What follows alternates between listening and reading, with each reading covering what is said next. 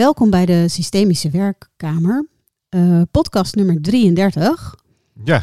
En uh, we hebben besloten dat we beginnen met het thema angst. Ja, angst. Waar ben je bang voor? Of is angst iets anders dan iets waar je bang voor bent?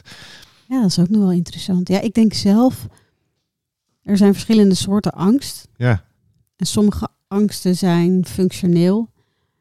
Uh, het is heel terecht dat je bang bent voor een wild dier wat jou aan stukken kan scheuren. Ja. Um, in dat opzicht is angst denk ik een hele goede raadgever en een goede graadmeter.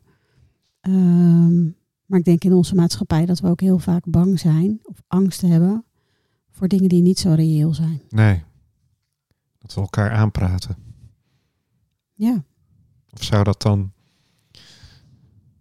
hoe heet het, net zoals trauma, of zou angst ook trauma kunnen zijn? Of angst komt voort uit trauma. Ja. En als we weten dat trauma overerfbaar is, dan is angst ook overerfbaar. Of is dat heel kort door de bocht? ik zo te nee, denken. Ik denk, maar ik denk, ik denk dat dat wel klopt. Ik denk, wij weten ook systemisch zo dat onze angst hoeft helemaal niet van ons te zijn. Nee. Angst die we ervaren kan een angst zijn van onze ouders, van onze voorouders. Ja, angst is denk ik primair ingegeven, wat je zegt, voor overleven. Ja. Dan heb je natuurlijk echt, echt fysieke angst dat je gegrepen wordt door het wilde dier, maar bijvoorbeeld ook angst. En ik denk dat we die in deze maatschappij, in onze maatschappij, heel, heel goed kennen. Angst dat je buiten de groep wordt gezet of buiten de groep wordt ja, gevallen. Ja, dat is natuurlijk een van de, onze diepste angsten. Ja, angst voor afwijzing. Ja. Nou, een hele simpele want je noemde net even dier, dus dat, dat, uh, daardoor associeerde ik ook weer iets anders met dieren. Ja. Ik denk, ja, um, je weet, ik geef vaak kerntalentenanalyses en dan, dan Ja. hebben we het ook wel eens over dieren bijvoorbeeld. Mhm. En dan zijn er mensen en die zeggen, ja, um, mijn ouders die hielden niet van dieren, die waren er bang van. En daardoor ging ik ook niet iets met dieren doen. Dat is natuurlijk een hele directe vorm van ouders hebben ergens angst voor en een kind krijgt niet de mogelijkheid om uh, zichzelf te ontwikkelen of te ontdekken eigenlijk wat, wat dat voor hem of haar kan zijn. Ja, de vraag is dan inderdaad, dan heeft, um, heeft het kind wel angst voor dieren? Ja. ja of, of, uh, en, um, of heeft gewoon niet de mogelijkheid, hij of zij de mogelijkheid gehad uh, om dieren te ontdekken. Ja, om, om die ervaring te krijgen dat een dier niet eng is bijvoorbeeld. Of vies is. Of, Ja. hè, dus, dus heel veel van de overtuigingen van onze ouders, die nemen natuurlijk daarin mee. Ja. Ja. En dat zit hem ook in de non-verbale signalen die onze ouders afgeven. Dus als... ehm, ja, ik zit even te denken. Maar ik weet, mijn moeder die vertelt wel eens dat ze altijd heel bang is geweest voor katten, maar ook wel voor honden en andere Mhm. dieren. En eh, met name katten vindt ze heel eng, ook omdat die soort van voor haar ehm, gedrag laten zien waardoor ze verrast kan worden. Dus ze Ja. doen iets wa- wat ze niet kan voorspellen op een bepaalde manier. En dat doen ze dan ook nog snel, waardoor ze zich ook niet kan voorbereiden erop. En met honden hetzelfde verhaal. Ze vindt ja, honden eng en eh, soms ook gewoon vies. Ja, En de- met dat idee ben ik wel opgegroeid. Ik heb wel zelf eh, veel met dieren gedaan vroeger. Dus op een bepaalde manier heeft me dat niet zo tegengehouden. Maar wat, wat, wat maakt nou eigenlijk ook dat het de een wel tegenhoudt en de ander niet? wat, ik, wat, ik, eh, bij mij, wat er bij mij opkwam toen jij dat zo over je moeder zei, was ehm, eh, een beetje de angst voor verlies van controle. Hè? Als je het over een onberekenbare kat hebt. Ja, Van jeetje, wat, wat gebeurt er zo en hoe ga ik daarop reageren? precies. Dat heeft veel met alertheid te Ja. maken en eigenlijk ook met een bepaalde vorm van ehm, voorbereid moeten zijn op wat er gaat komen. Ja. En met dieren is dat eigenlijk niet zo makkelijk. Nee. Want dieren hebben natuurlijk gewoon een hele eigen manier van, van zijn. En dan, eh, dan ben je dus controle kwijt. Ja, en het mooie is, wat er nu in mij opkomt, is ja, eh, als wij terug, eh, hè, om onze angst over, te overwinnen, eh, moeten we terug naar de natuur. Ja. Moeten we ons blootstellen aan de natuur. Dat is zo. Ja. En ja, je hoort natuurlijk over, overal dat eh, eh, natuur ingaan een hele goede therapie is voor alles. Ja, Je hebt natuurlijk ook de, de Japanse vorm van bosbaden. Ja. De Shin, hoe heet het nou ook weer? Ja, ik weet, ik, ik, ik ken niet de naam. Eh, Maar, ja, ik, ik weet, ik zou het moeten weten. Shin, Shin, nou, ik kom er gewoon niet uit. Maar Nee. het is iets met Yoku op het eind. Eh Shinjin Yoku heet het volgens mij. Maar misschien Ja. dat het ook net anders uitgesproken wordt. Maar het is in ieder geval de kunst van het bosbaden. ja, ja, Het liggen in dus- het bos, het liggen in het gras, het kijken en observeren van alles wat er in de natuur is. En, en daarvan genieten. En dan kom ik eigenlijk ook een beetje op het gesprek wat we net zeg maar buiten hadden met, eh, met mijn zoon, met Ja. Tobias. Over dat het in onze maatschappij ook zo ehm, verboden is om niets te doen of zo. Ja, eh, ik, Alsof angst, je dan angst wordt, wordt als, hè, en ik denk dat je dan echt wel op de angst voor de uitsluiting hè, en afwijzing zit, wordt denk ik in onze maatschappij en zeker door de politiek gebruikt om, ehm, om een bepaalde kant op te sturen. Ja, En vanuit de politiek denk ik dan dat die, eh, het gebruik van deze angst weer ingegeven is door de angst om controle te verliezen op de maatschappij. Hè, dus, ehm, eh, dus eigenlijk angst voor chaos. ja, ja hè, ik, ik, vind, ik zeg altijd maar, eh, je hebt geloven in godsdienst in mijn ogen. Ehm, en ieder moet geloven wat hij wil. En als hij godsdienst aanhangt, ook prima. Mhm. Maar wat ik vanuit mijn verleden en vanuit de, eh, de Calvinistische cultuur mee heb gekregen, is dat. eh, en dat ging ook natuurlijk met Tobias, hebben we het daarover gehad. Van ja, in het zweet des aanschijns zult gij uw brood eh, verdienen. Verdienen, En ja. ledigheid is des duivels oorkussen. Ja, Exact. vrije tijd is heel gevaarlijk. Ja. Dus als je de mensen maar bang maakt voor vrije tijd en vrije keuzes. dan Vrije keuze betekent Ja. ook een stukje controleverlies natuurlijk. Ja. Niet weten waar je aan toe bent. Dan eh, is een beetje brood en spelen. ja. Geef de mensen en, hun en wat angst. Is, en wat is daar dan eigenlijk uiteindelijk mis mee? Hè? Met, eh, want dat vond ik ook mooi dat Tobias dat nog noemde. Van ja, eh, eigenlijk is de mens het gelukkigst als die zijn eigen eten verbouwt. Als Ja. die zijn eigen huis bouwt. Als die zijn eigen eten kan eten. En als die, ehm, ja... Ja, daar kom je op de angst voor de keuzes. ja De keuzestress. de keuzestress is er Keuze- natuurlijk ook nog. ja. En nou ja, eh, dat is op een bepaalde manier hebben we dat ook met elkaar gecreëerd. nou, daarom. Dus dat is inderdaad ook... eh, ik vind... eh, Er zit ook overal zit een soort oordeel of een mening achter hoe Ja. iets gedaan zou moeten worden. cancelen en zo. Ik heb net een, een, een puppy, voor de eerste keer een hond. En ehm, nou, als ik het helemaal op mijn eigen manier gedaan zou hebben, zou ik niet zo heel veel nodig hebben. Maar ik heb dan allerlei to-do-lists gekregen en spullen, lijsten spullen, dingen die nodig zijn voor een hond. En denk ik, ja, zo'n hond heeft volgens mij eigenlijk heel weinig nodig. En nee, hij moet bezig gehouden worden, hij moet hersenwerkjes doen. Ja, dat kan natuurlijk ook met hele natuurlijke middelen. Dat kan met takjes, dat kan met... En tegelijkertijd denk ik, ja, maar, maar Maar ja, het is ook heel als- leuk om het wel te kopen, weet je wel? Om het wel Ja, om het er wel te hebben. En ergens maakt het me dan ook een soort van een beter baasje als ik het doe zoals het zou moeten of zo. Dus daar, daarin Ja, komt maar- ook wel weer. waardoor word jij dan een beter baasje? Omdat je... eh, Ja, omdat ik een provide met alles wat er is in feite. Hè? En dat slaat natuurlijk eigenlijk nergens op. ja, misschien heeft die hond daardoor ook weer heel veel keuzestress voor al die speeltjes. Zou zomaar Wij hebben net een kitten thuis. en echt, je breekt je nek over alle... Alle speeltjes ook. Wat, wat, wat hebben jullie allemaal? Ja, weet ik veel wat. eh, van die kleine balletjes, eh, muisjes. Een hele, Ja. hele... Dat is wel leuk. Onze jongste die heeft daar een heel circuit voor gebouwd van allemaal kartonnen dozen. De helft van de kamer ligt vol met karton nu. Wel die leuk. kat. Maar ja, hij doet er wel iets mee. Maar ik heb wel het idee, als ik, als, ze gaat dan graag naar buiten. En dan gaat ze met de takjes aan de haal. Ja, precies. En ik heb het idee dat ze liever buiten met de takjes aan de haal is Ja. dan met eh, alle, alle ellende die we gekocht Nou hebben. ja, dat is natuurlijk ook zo. En, en dat, dat zie ik aan onze hond ook, weet je wel. Die komt echt, eh, nou ja, in mijn ogen, hè, dat is natuurlijk Mhm. wel ook wat ik denk dat ik haal uit als ik naar hem kijk. Maar een soort van heel trots dat hij een mega grote stok meeneemt, weet je wel. Ja, En dan loopt hij daar echt een soort van, ja, vind ik met een heel andere lichaamshouding dan eh, wanneer hij in de speurstand staat. Het is ook prachtig om te zien hoe hij dat doet. Met die Mhm. neus bij de grond en ja, eigenlijk eh, al die geuren eh, ophalen die, die wij al lang niet meer ruiken. maar even, de vraag die in mij opkomt, voor wie doe je het dan? Voor de hond of voor jezelf? Om van de hond te genieten. Er natuurlijk ook niks mis mee is, maar Ehm, Nou ja, het buiten zijn, dat, doe- dat doe je voor elkaar, denk ik. Ja. Het samen buiten zijn en niets hoeven. Dus dan kom je toch weer op dat niets hoeven. Het ehm, onthaasten. Wat, wat, er, wat jij zegt van samen buiten zijn. Eh, wat er dan, als we het over angst hebben, in me opkomt. is Angst voor af, hè, van afscheiding. Angst voor verbinding.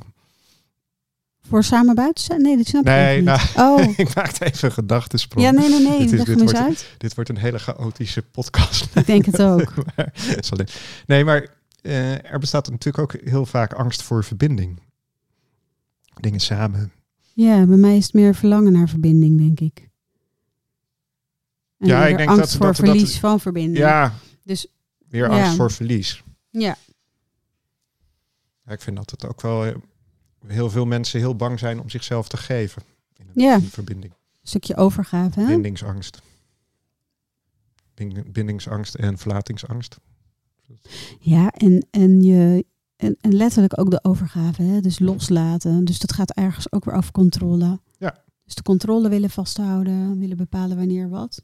Nou ja, we, we, we liepen er net even buiten met die hond. En, en eh, hij heet Frodo, dus dat... eh, en, en wat, waar we het dan even over hadden, was dat ehm, eh, ik kan met allerlei ideeën naar buiten gaan met hem. Maar uiteindelijk ben ik niet degene die bepaalt wat er gebeurt. Dat Nee. doet hij zelf. Ja. Op een andere manier kan ik natuurlijk als zijn baasje wel zeggen: ik pak je op en we gaan terug naar huis, want ik heb een afspraak, want we moeten daarheen. En tegelijkertijd, als je juist heel erg open kan staan voor wat er ontstaat buiten in het samen zijn, Ja, eh, kun je daar ook jezelf aan overgeven en gewoon echt genieten van het, van het buiten zijn en het echt even niets hoeven. ja. Behalve eh, het lekker achter elkaar aanschooieren. Ja. Het geeft je ook de tijd hè, om eh, alles op te nemen. Het geeft heel veel rust. Het Ja. geeft heel veel rust. Ja, een beetje onthaasten van... Ja, dat is het. Onthaasten. En het is ook relativerend. Dat hoor je natuurlijk ook heel vaak van mensen die net ouders geworden zijn. Die mhm. hun eerste kind hebben gekregen. Dat ja, je leeft in een soort bubbel. Gedurende een bepaalde periode. En in die bubbel ehm, maakt alles wat er buiten is, maakt veel minder uit. Dat is niet meer zo belangrijk.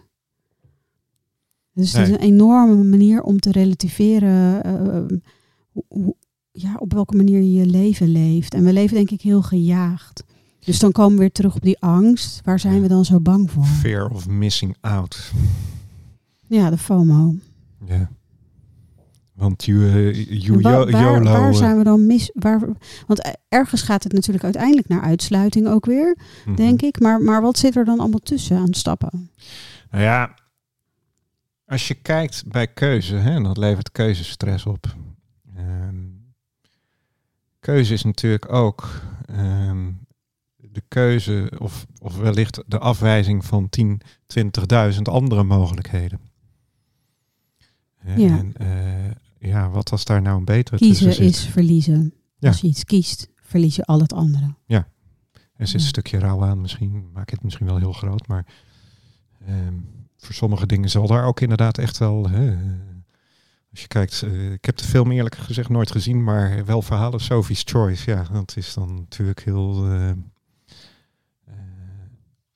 maar inderdaad, keuze, keuzeangst. Angst, eh, keuzeangst is natuurlijk ingegeven ook weer door angst voor verlies van de andere eh, mogelijkheden. Ja, en wa- en wat zorgt er dan voor dat we eh, eigenlijk alles tegelijk willen? Eh, nou ja, we, we zien in de huidige maatschappij worden er zoveel mogelijkheden voor geschoteld. En iedere mening wordt voor waar aangenomen, zo'n beetje. Alles wordt, eh, als je de influencers, eh, nou volgens mij het gros van de influencers eh, roept ook maar wat. Ja, en tegelijkertijd is niet alles vanuit een bepaald perspectief ook wel waar. Ja, daarom. Dus het is ook. Dus vanuit al die verschillende ja. perspectieven ik, waar merk, je ook staat. ik merk bij mezelf, maar goed, ik begin ook wel. ik ben nu dik in de 50. maar nou ja, dik. nog niet halverwege. Wel bijna halverwege. Bijna halverwege ja, is het dingetje. en eh, En die kwam al drie keer voorbij vandaag. ja, ja, ja het is, het is, ik ben er wel mee bezig. Ja. En, ehm, maar en ik goed. dacht dat je er al voorbij was. ja, maar goed, dat is dan ik merk eigenlijk dat ik niet meer bewust kies. dat ik eh, gewoon mezelf volg. Hmm. En dat is er toch ook een keuze? Dat is een keuze. ja, zeker. Maar Dat is een eh, soort ja, voornemen van jezelf ook Ja. misschien. je gaat eh, intenties zetten en, en, en dat volg je. En dat is natuurlijk ook wat je veel mensen hoort zeggen. En ik denk dat dat, dat is wel relaxed. Ja, ik, ik, als je kijkt Mhm. naar het dierenrijk. eh, nou ja, een hertje zie je ook niet als je dat tegenkomt denken van zal ik links of zal ik rechts of zal ik de boom ingaan of zal ik eh, oh, oh, wat nou als ik dit nee die, die snuffelt een beetje en eh, die gaat door en denkt oh dit is het pad wat ik ken daar ga ik overheen Mhm. Dus dat is eh, Nou ja, strikt genomen kennen we natuurlijk het, de- het keuzemodel van een hert niet. nee Dat is wat we denken te zien. ook. ja Maar- maar, ja, maar dat is Maar ik denk wel dat ze dichter bij hun natuur zijn. En bij hun oorsprong eigenlijk. Hè, Ja. Op een bepaalde manier. Ja, maar gewoon, weet je, de- net, eh, we hadden het al even over onze Calvinistische achtergrond van, eh, van wij hebben twee konijnen in de tuin rondlopen. Sinds we een kitten hebben, hebben die het niet meer zo rustig, maar die zaten dan, ja, weet je, die zitten zo rustig een beetje, echt wel een uurtje zo een beetje eh, te zitten midden in de tuin. En dan zitten ze te zitten. Ja, wat erom gaat, waarschijnlijk helemaal niks. Ja, dat weet je niet. Nee. Maar dat zou kunnen. Ja. Maar goed, dan denk ik, ja, vind ik eigenlijk heel inspirerend. Ja, Nu worden ze de tuin doorgejaagd. door de kitten. ja. Dat, eh, dat, ja. dus, eh, maar Ja. ja. het is. Ik denk dat dat eh, alle keuzes die we ons mogelijk maken en alle indrukken en prikkels die we hebben, want heel vaak is, Mhm. brengt elke prikkel ook weer een keuze met zich mee. ja, Eh, dat is een bepaald keuzemoment. ja. Dat, dat, dat, eh hoe heet het? ehm, Bij iedere prikkel wordt er iets geboren. Ja. Op een bepaalde manier. Of Ja, iets aangeraakt. ja, En dat, en, ja, iedere, maakt het wel iedere impuls vraagt een, een actie. ja. Ook niks doen is een actie. Je kiest ook, ja. Ja, dat is wel grappig inderdaad. Hè, als je juridisch bekijkt. Eh, ook eh, niets doen kan. Hele heeft een handeling in zich. Ja, ja. Dat is. hoe noem je dat ook alweer? Dat iedereen naar de ander kijkt als er een ongeluk gebeurt. Volgens mij had je daar niet een speciale naam Ja, er is een, ik weet het ook Er is iets. Goed. eh, als, eh, als de luisteraar dat hoort, mag hij hem in de comments eh, zetten. Ja, leuk. Maar het nalaten, ja, dat kan strafbaar zijn. Het kan ook een onrechtmatige daad opleveren. Ja. Het is, Ja. Dus als jij wordt geacht te handelen waar jij niet handelt, of doen waar je niet doet. ja, dan ben je nalatig. Ja. ja. En ook dat heeft gevolgen. Of kan Maar goed. hebben. Gewoon eh, lekker, eh, dat wordt natuurlijk Mm. wereldwijd geroemd, begreep ik, het lummelen. Wat was het? eh, Lummelen, ja. lummelen, Het niets doen. het niets doen. Ja. Dat, En dan eh, heb je natuurlijk het woord nietsnut. Ja, Waarin eigenlijk het niets doen veroordeeld wordt. Want als je niets doet, is het niet nuttig. Terwijl Ja. eigenlijk is het heel nuttig om af en toe te nietsen. ja, het is inderdaad ook eh, Zeg ik het nou goed? Heel nuttig om te om nietsen. te nietsen. Ja, om even niets te doen. Om Eh, even... eh, eh, nut niets. Ja. dat is een mooie uitdrukking. Het nut niets. Het is nuttig om niets te doen. ja.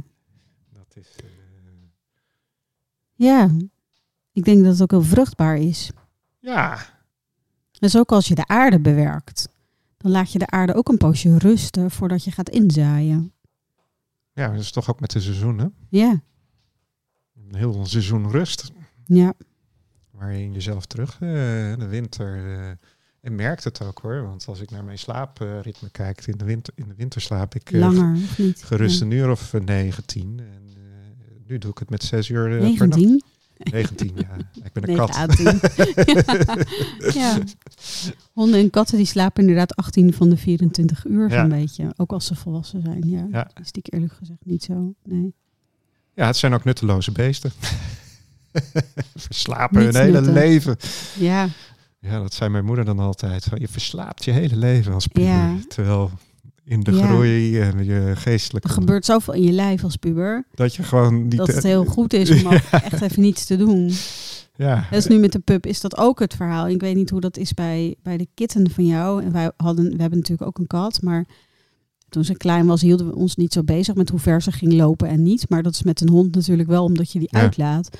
Maar ja, er is een soort stelregel die bedacht is van eh, het aantal weken dat de hond is. Dat is de lengte van de wandeling die je mag doen. Dus hij is nu elf weken, dus je mag elf minuten met hem wandelen. Ja. Nou ja, ik had ook al gevraagd. Ja, hè, elf, elf minuten.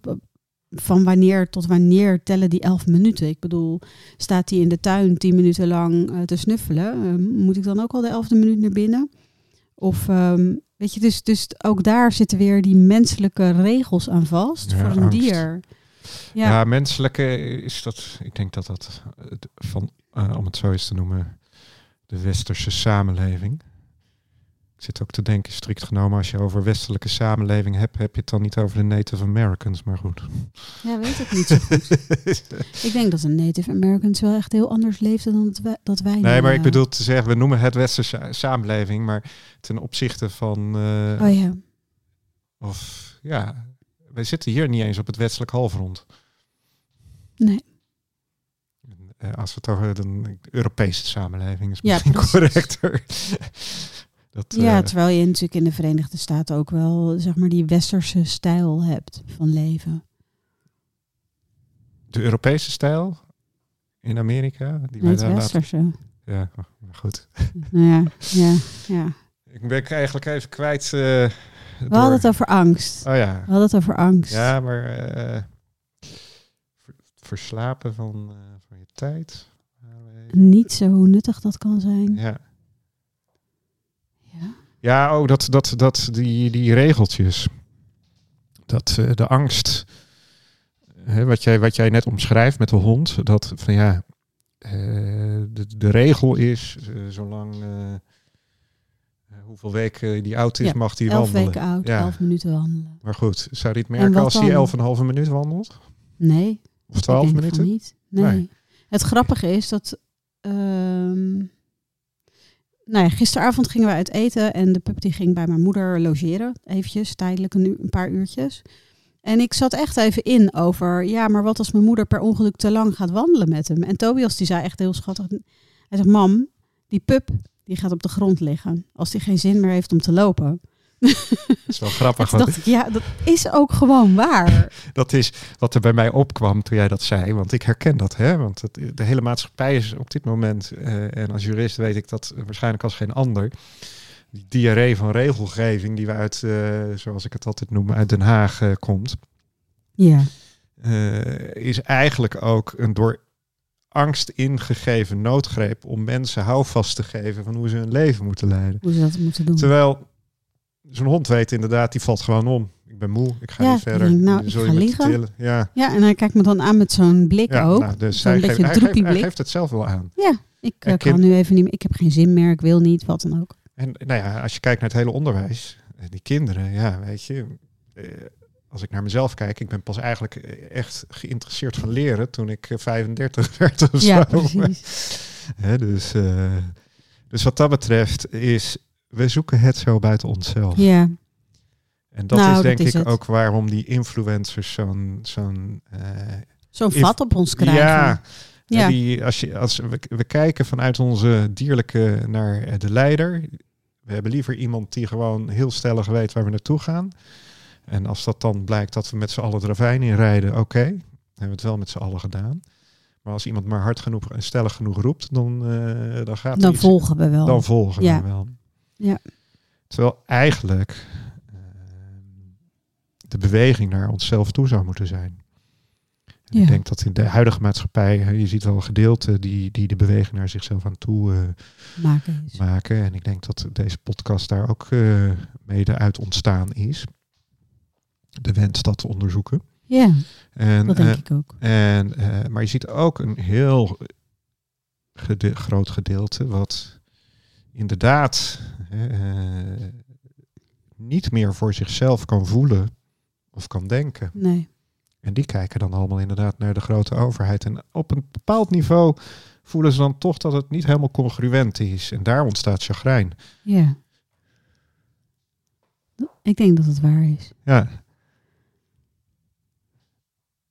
Ja, en stel dat je nou de behoefte voelt om veel meer vanuit die vrijheid te gaan leven. Dus de, ehm, als je het hebt over angst, over vrijheid. Op een bepaalde manier zou je kunnen zeggen, zijn we niet bang voor vrijheid, angst voor vrijheid. Ja. er is een heel mooi boek over geschreven van Erich Fromm, heet hij. Ik heb het heel lang geleden gelezen. Ik denk dat het echt al... Is dat een natuurkundige? Ja, dat moet ik, ik zou even moeten kijken, want durf het uit mijn hoofd even niet te zeggen. Maar... Was hij niet, uh, Fromm was hij met die, uh, god, was, was een Noor geloof ik hè? Dat dacht ik wel. Even kijken of ik het Uit de tijd van met die... Uh,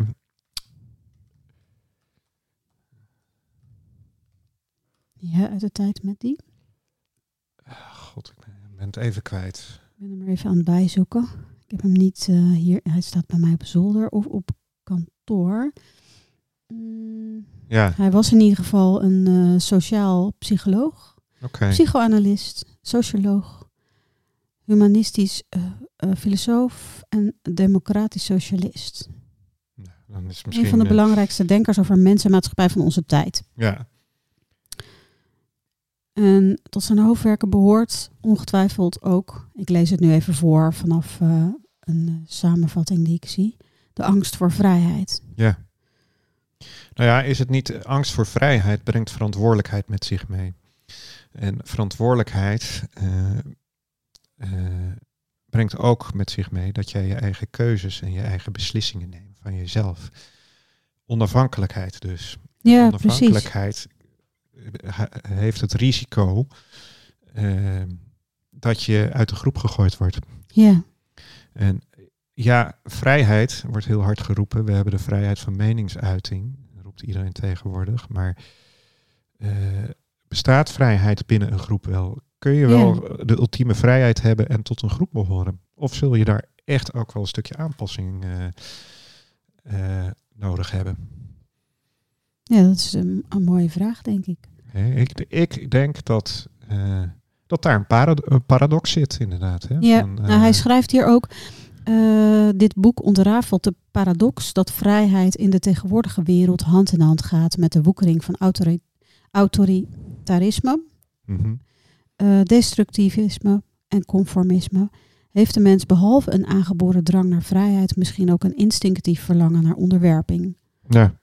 Hij ontvouwt hier een wijds psychohistorisch panorama waarin ons de geschiedenis wordt getoond als enerzijds een voortdurende strijd voor vrijheid en anderzijds een even voortdurende vlucht voor dezelfde vrijheid.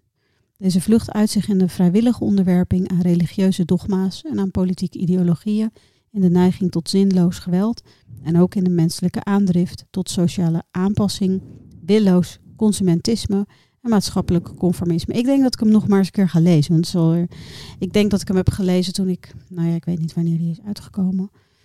Uh, deze paperback is van 2020, maar ik weet zeker dat ik hem echt heel veel langer geleden. Ja, ik zal ook eens gaan, uh, gaan kijken. Ja, ik had eigenlijk besloten om wat minder te gaan lezen, maar sinds die tijd uh, vliegen de boeken bij mij naar binnen.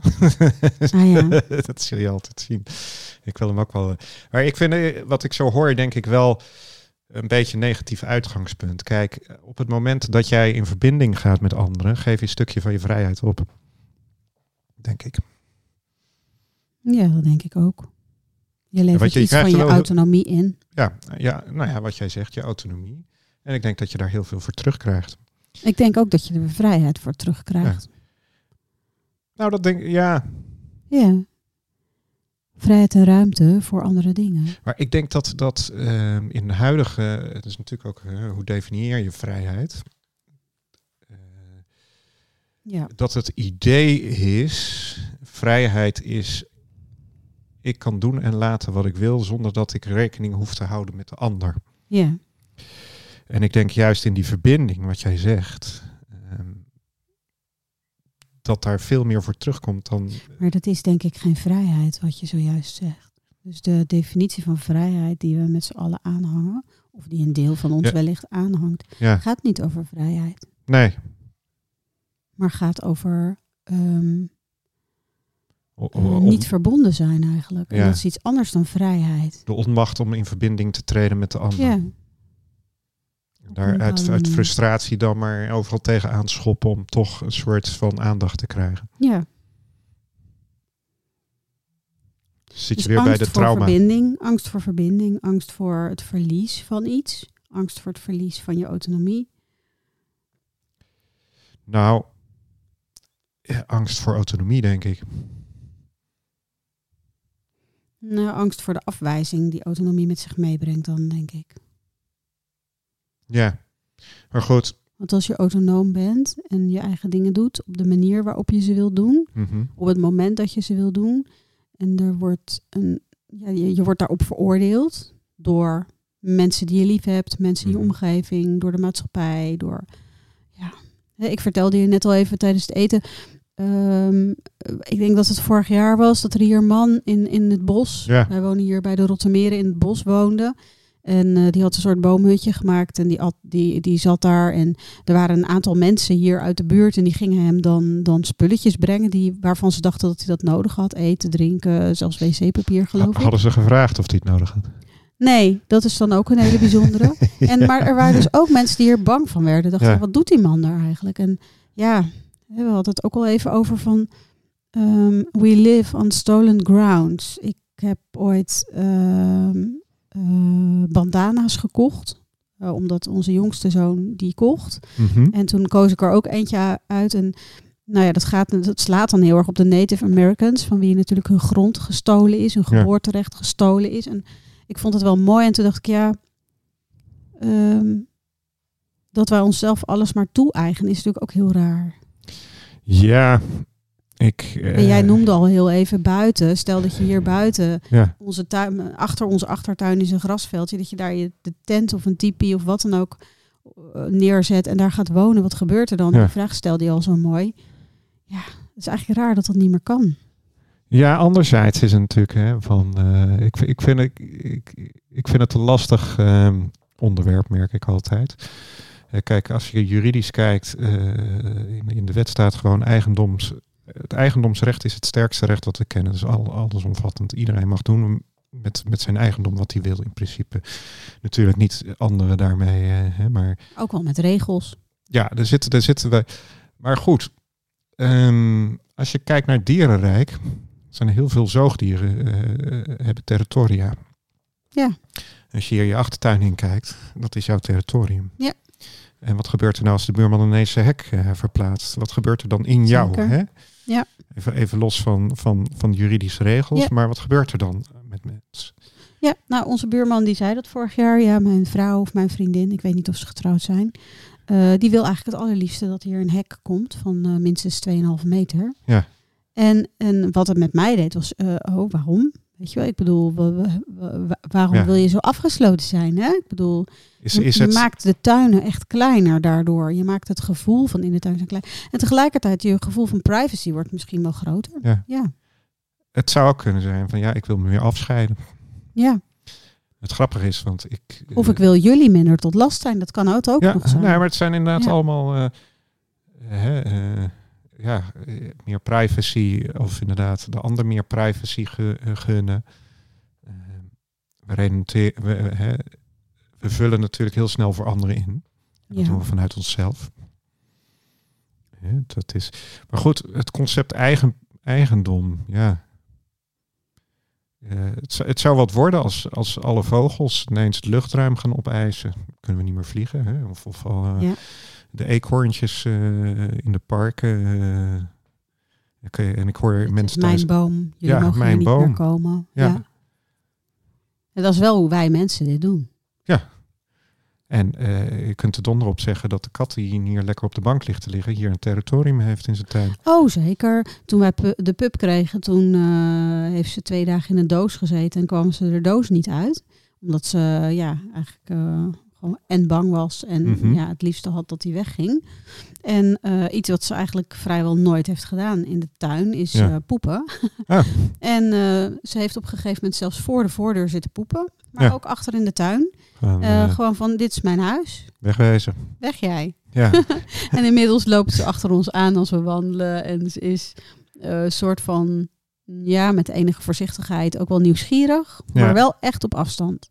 Dus als die te dichtbij komt, dan blaast ze en dan nou ja, is overduidelijk dat ze dat niet wil. Ja. En verder is ze ja, gewoon denk ik wel echt uh, hem de baas op een Ja. bepaalde manier. En ze woont hier ook al negen jaar natuurlijk. Dus Ja, dus dat... ja. dus goed. territorium afbakenen. Als, Ja. al- ik denk dat wij dat als mensen ook doen. ja, dus ik denk inderdaad ook... Wij slaan eh, vlaggetjes in bergen.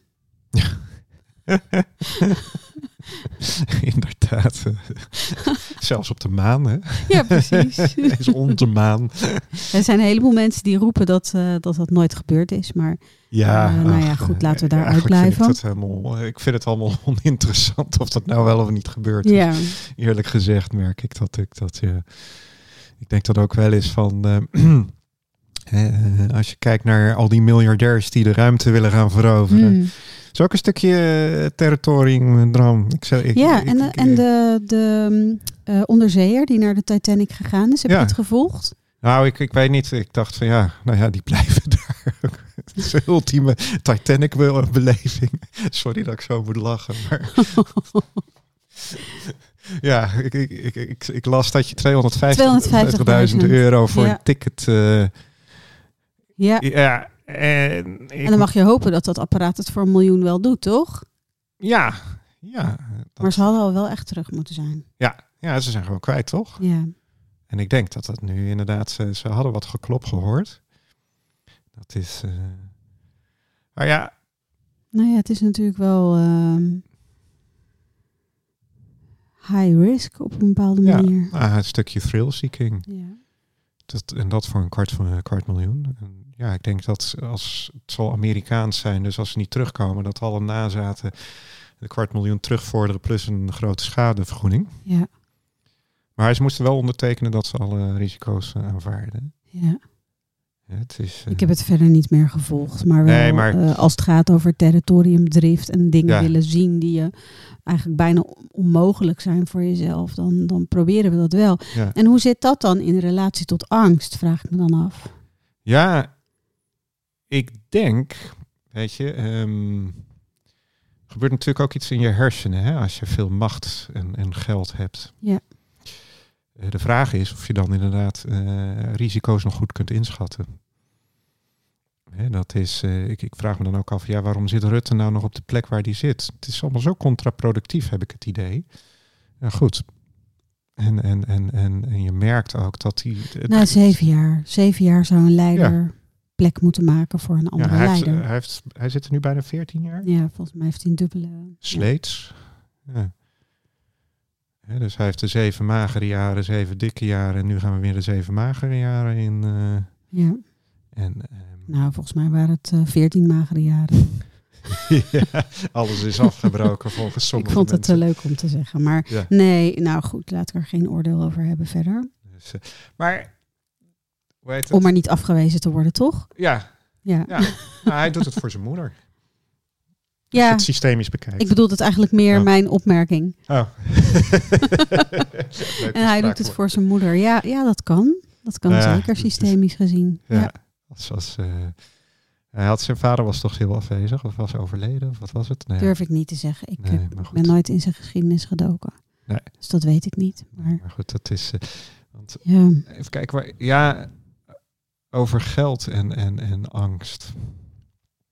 Natuurlijk ook. ja, over geld en over omgaan met risico's. Ja, En de angst die bepaalde risico's met zich meebrengen. ja, Ja, ook de ruimte ingaan bijvoorbeeld.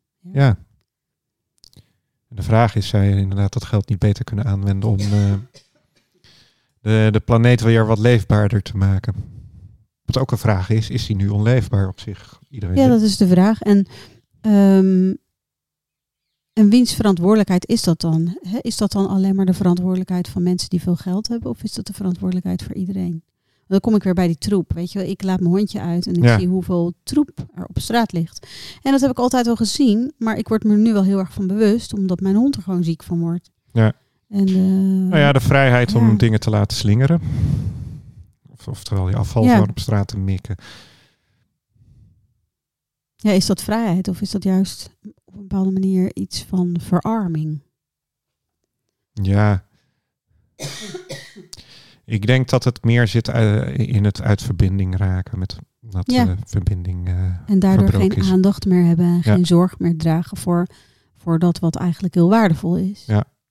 Ik bedoel, om dan maar weer even bij zo'n grasveldje te blijven.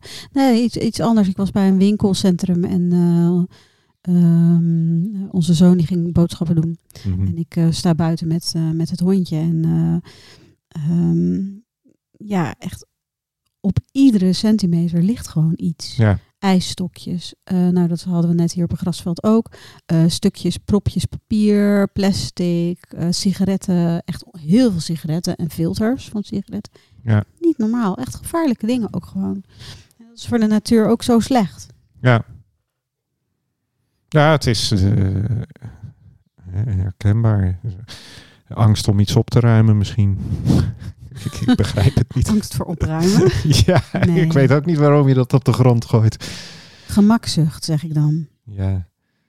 En dan uh, zeggen we vaak gemak dient de mens. Ja. Ik denk dat hij ook een soort, misschien zit er ook een soort de passieve agressiviteit in. Nou, dat zou heel goed kunnen. Eh, ik moet al zoveel. Dus dit. Uh, Zoek het maar uit, iemand anders doet het wel. Ja, ja beste overheid, uh, die vragen zoveel van mij, dan kun je dit wel voor mij doen. Misschien. Ja, ik weet niet ik, veel, ja. ik denk dat het een heel onbewust iets is. Ik denk dat het echt met, met opvoeding en normen en waarden te maken heeft. En niet meer zien wat, iets, wat voor waarde iets heeft. Ja. Want hoe fijn is het als iets schoon is of als iets, iets puur is. Hè? Het bos ook. Ik bedoel, dan loop je door het bos. Wij wonen hier bij de Rottermeren en hier heb je een aantal van die velden mhm. waar je zomers uh, dagcamping doet. Ja. En uh, ja, wij hebben dan ook zo'n uh, schattige buurt-app. En omdat wij echt als buurt tegen de Rottermeren aan zitten, gaat het ook vaak daarover. Ja. En dan staan er foto's in de, in de buurt-app van mensen die zitten te scheiden in de bosjes. en hoe belachelijk dat is. Ook omdat er toiletten zijn en toilethokjes, die overigens meestal niet zo schoon zijn. Um, de bosjes zijn schoner dan de toiletten. Ja, nou ja, tot, totdat ze daar gezeten hebben natuurlijk. Ja. En, en mensen die dan echt verontwaardigd zijn. En ik snap het ook echt heel goed. Ik bedoel, want ja, ik loop heel vaak barefoot daar. Nou, de, mhm. ja... Um, en dan nou, foto's zou, van al die blote billen. Moet je hier met 16 over nog oppassen dat er niet een vliegtuig naar beneden, naar beneden komt, inderdaad. Ja, landingslichten, zo'n hele rij. Oh. Nou, dat is dan mijn fantasie die er weer mee aan de, aan de haal gaat. Maar goed, uh, het is inderdaad ook. Maar het gaat echt over die verantwoordelijkheid die we niet meer nemen. Dus en, en hoe, zou daar een haakje zijn naar die angst die we hebben? Dat er angst is die dat veroorzaakt of dat we dat daar een relatie is tussen angst en, en de manier van hoe we met onze omgeving omgaan. Het er komt nu een heel sterk gevoel bij mij op dat het, we weten het allemaal niet meer. Een echt zo'n vermoeid gevoel van. Ja, het gevoel van, veel te veel moeten. Ja, en veel te veel kunnen eigenlijk misschien ook. Ik, zat, ik reed hier naartoe uh, met de auto. Toen kwam, ik, had ik ook zo'n brainwave. Ik denk, het was weer zo druk op de weg. En ik denk ik, Weet je, eigenlijk zijn wij een geklapt kankergezwel misschien, om het zo eens te zeggen. Van, we zijn zo veel harder gegroeid dan wij eigenlijk aankunnen. Hè? Ehm, er is geen personeel meer te vinden. Mhm. Hoe kan dat nou? Wat, wat, wat zijn we allemaal aan het doen dan? Wat voor belangrijke dingen zijn we aan het doen? Hè? Mhm. Want eh, er zijn zoveel banen wat houden die banen allemaal in? Wat, wat, wat wordt er van je verwacht? En dan denk ik inderdaad ook van ja, weet je, uh, of, of we zijn met z'n allen uh, zijn we van uh, de digital nomad geworden. Nou, lijkt me ook niet dat dat, dat, dat het grootste gedeelte van de Nederlandse bevolking nee. uh, op Ibiza zit of zo. ik denk dat we dat op Ibiza ook niet zullen trekken. Ehm, maar iets te druk, denk ik. Ja. Ik denk, ik denk hm we hebben zo, we hebben echt, echt een luchtbel gecreëerd. Ja, dat denk ik ook.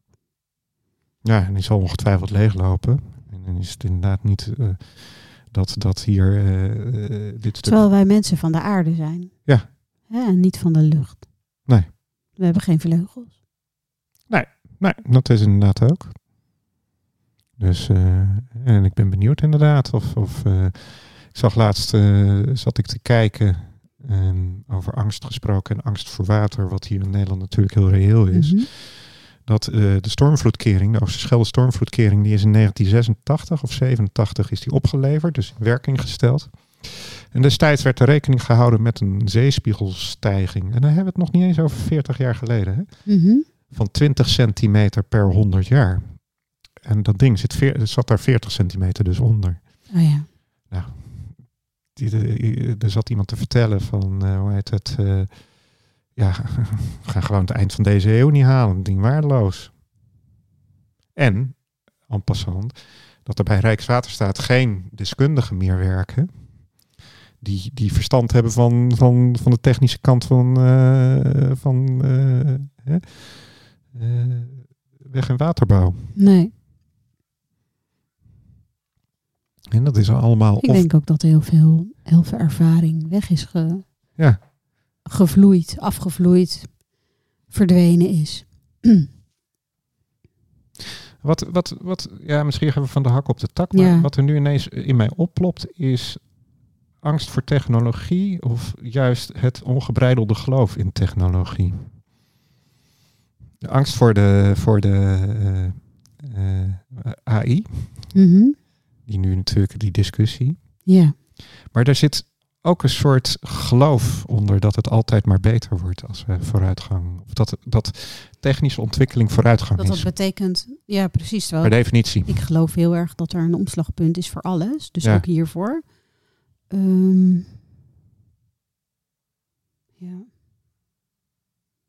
En ik kan me daarbij herinneren dat ik, dat was dan in de jaren tachtig, in mijn tienerjaren, dat ik een film zat te kijken uit de jaren zeventig over een, eh, en hij is, dat is echt, ik denk, die film die zal nu 45 jaar oud zijn, dik, over eh, een robot die op hol sloeg. Eh, En, en, en mensen, eh, dus al 45 jaar geleden hadden we, bestond die angst. Ja.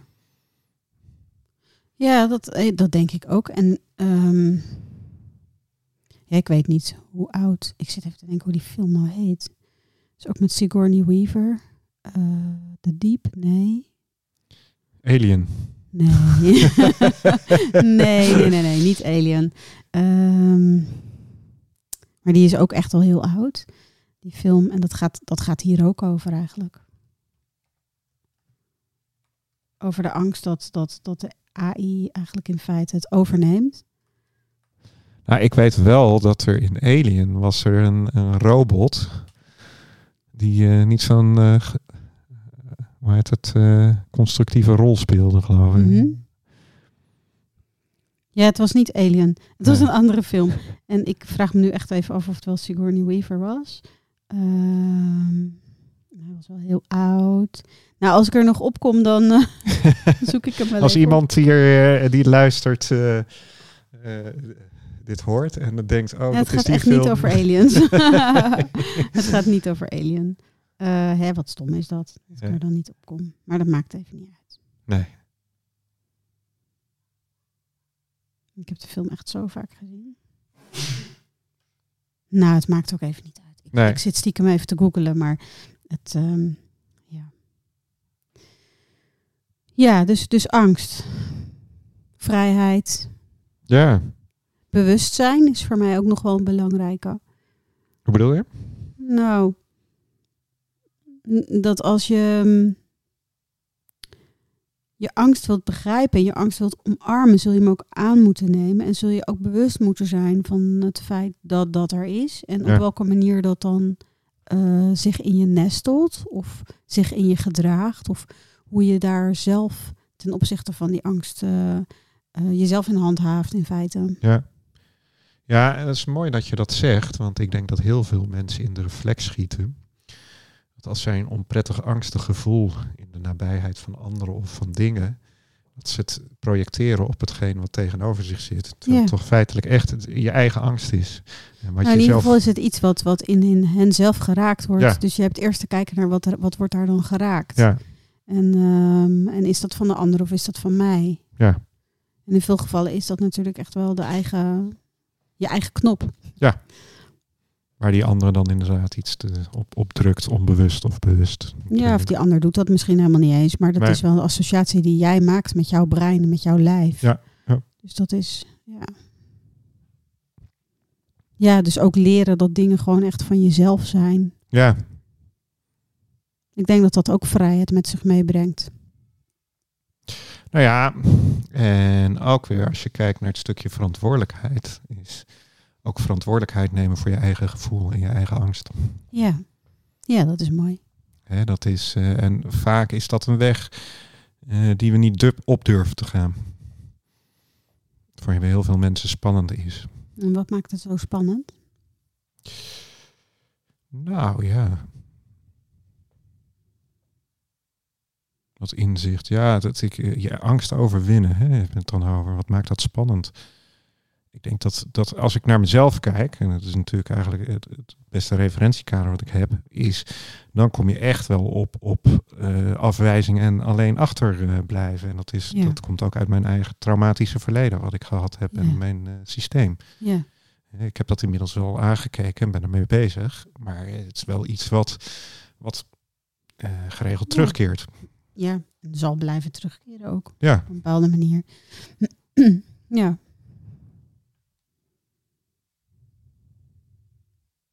Ja, mooi.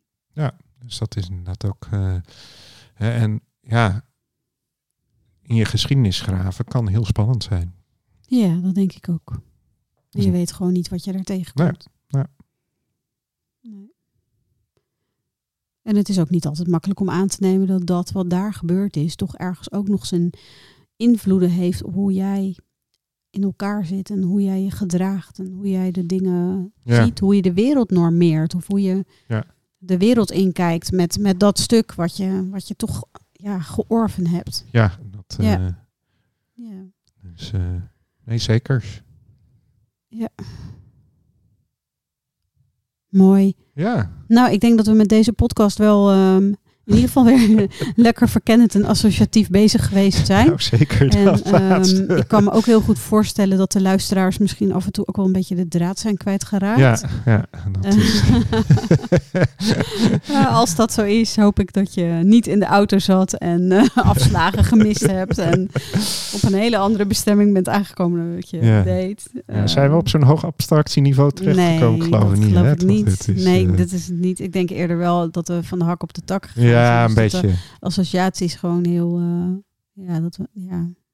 Maar dat vind ik juist ook vaak zo leuk aan Ja. onze gesprekken. Dus Nou, ik vind, wat, wat ik wel weer leuk vind is, want we hebben natuurlijk eigenlijk dit jaar, in 2023, eh, het over niet zoveel eh, podcasts pas één, één podcast weer Ja, van ons gepubliceerd. samen. Van ons samen. Ja, Eh, een podcast die verdwenen is. en verdwenen podcast. En ik heb wel het gevoel dat dit weer een mooie herstart is, om het zo Ja. te zeggen. dat we nou, dat denk ik ook. de En ruimte kunnen nemen om, eh, om weer weer mooie wat dingen... meer te maken. Ja. ja.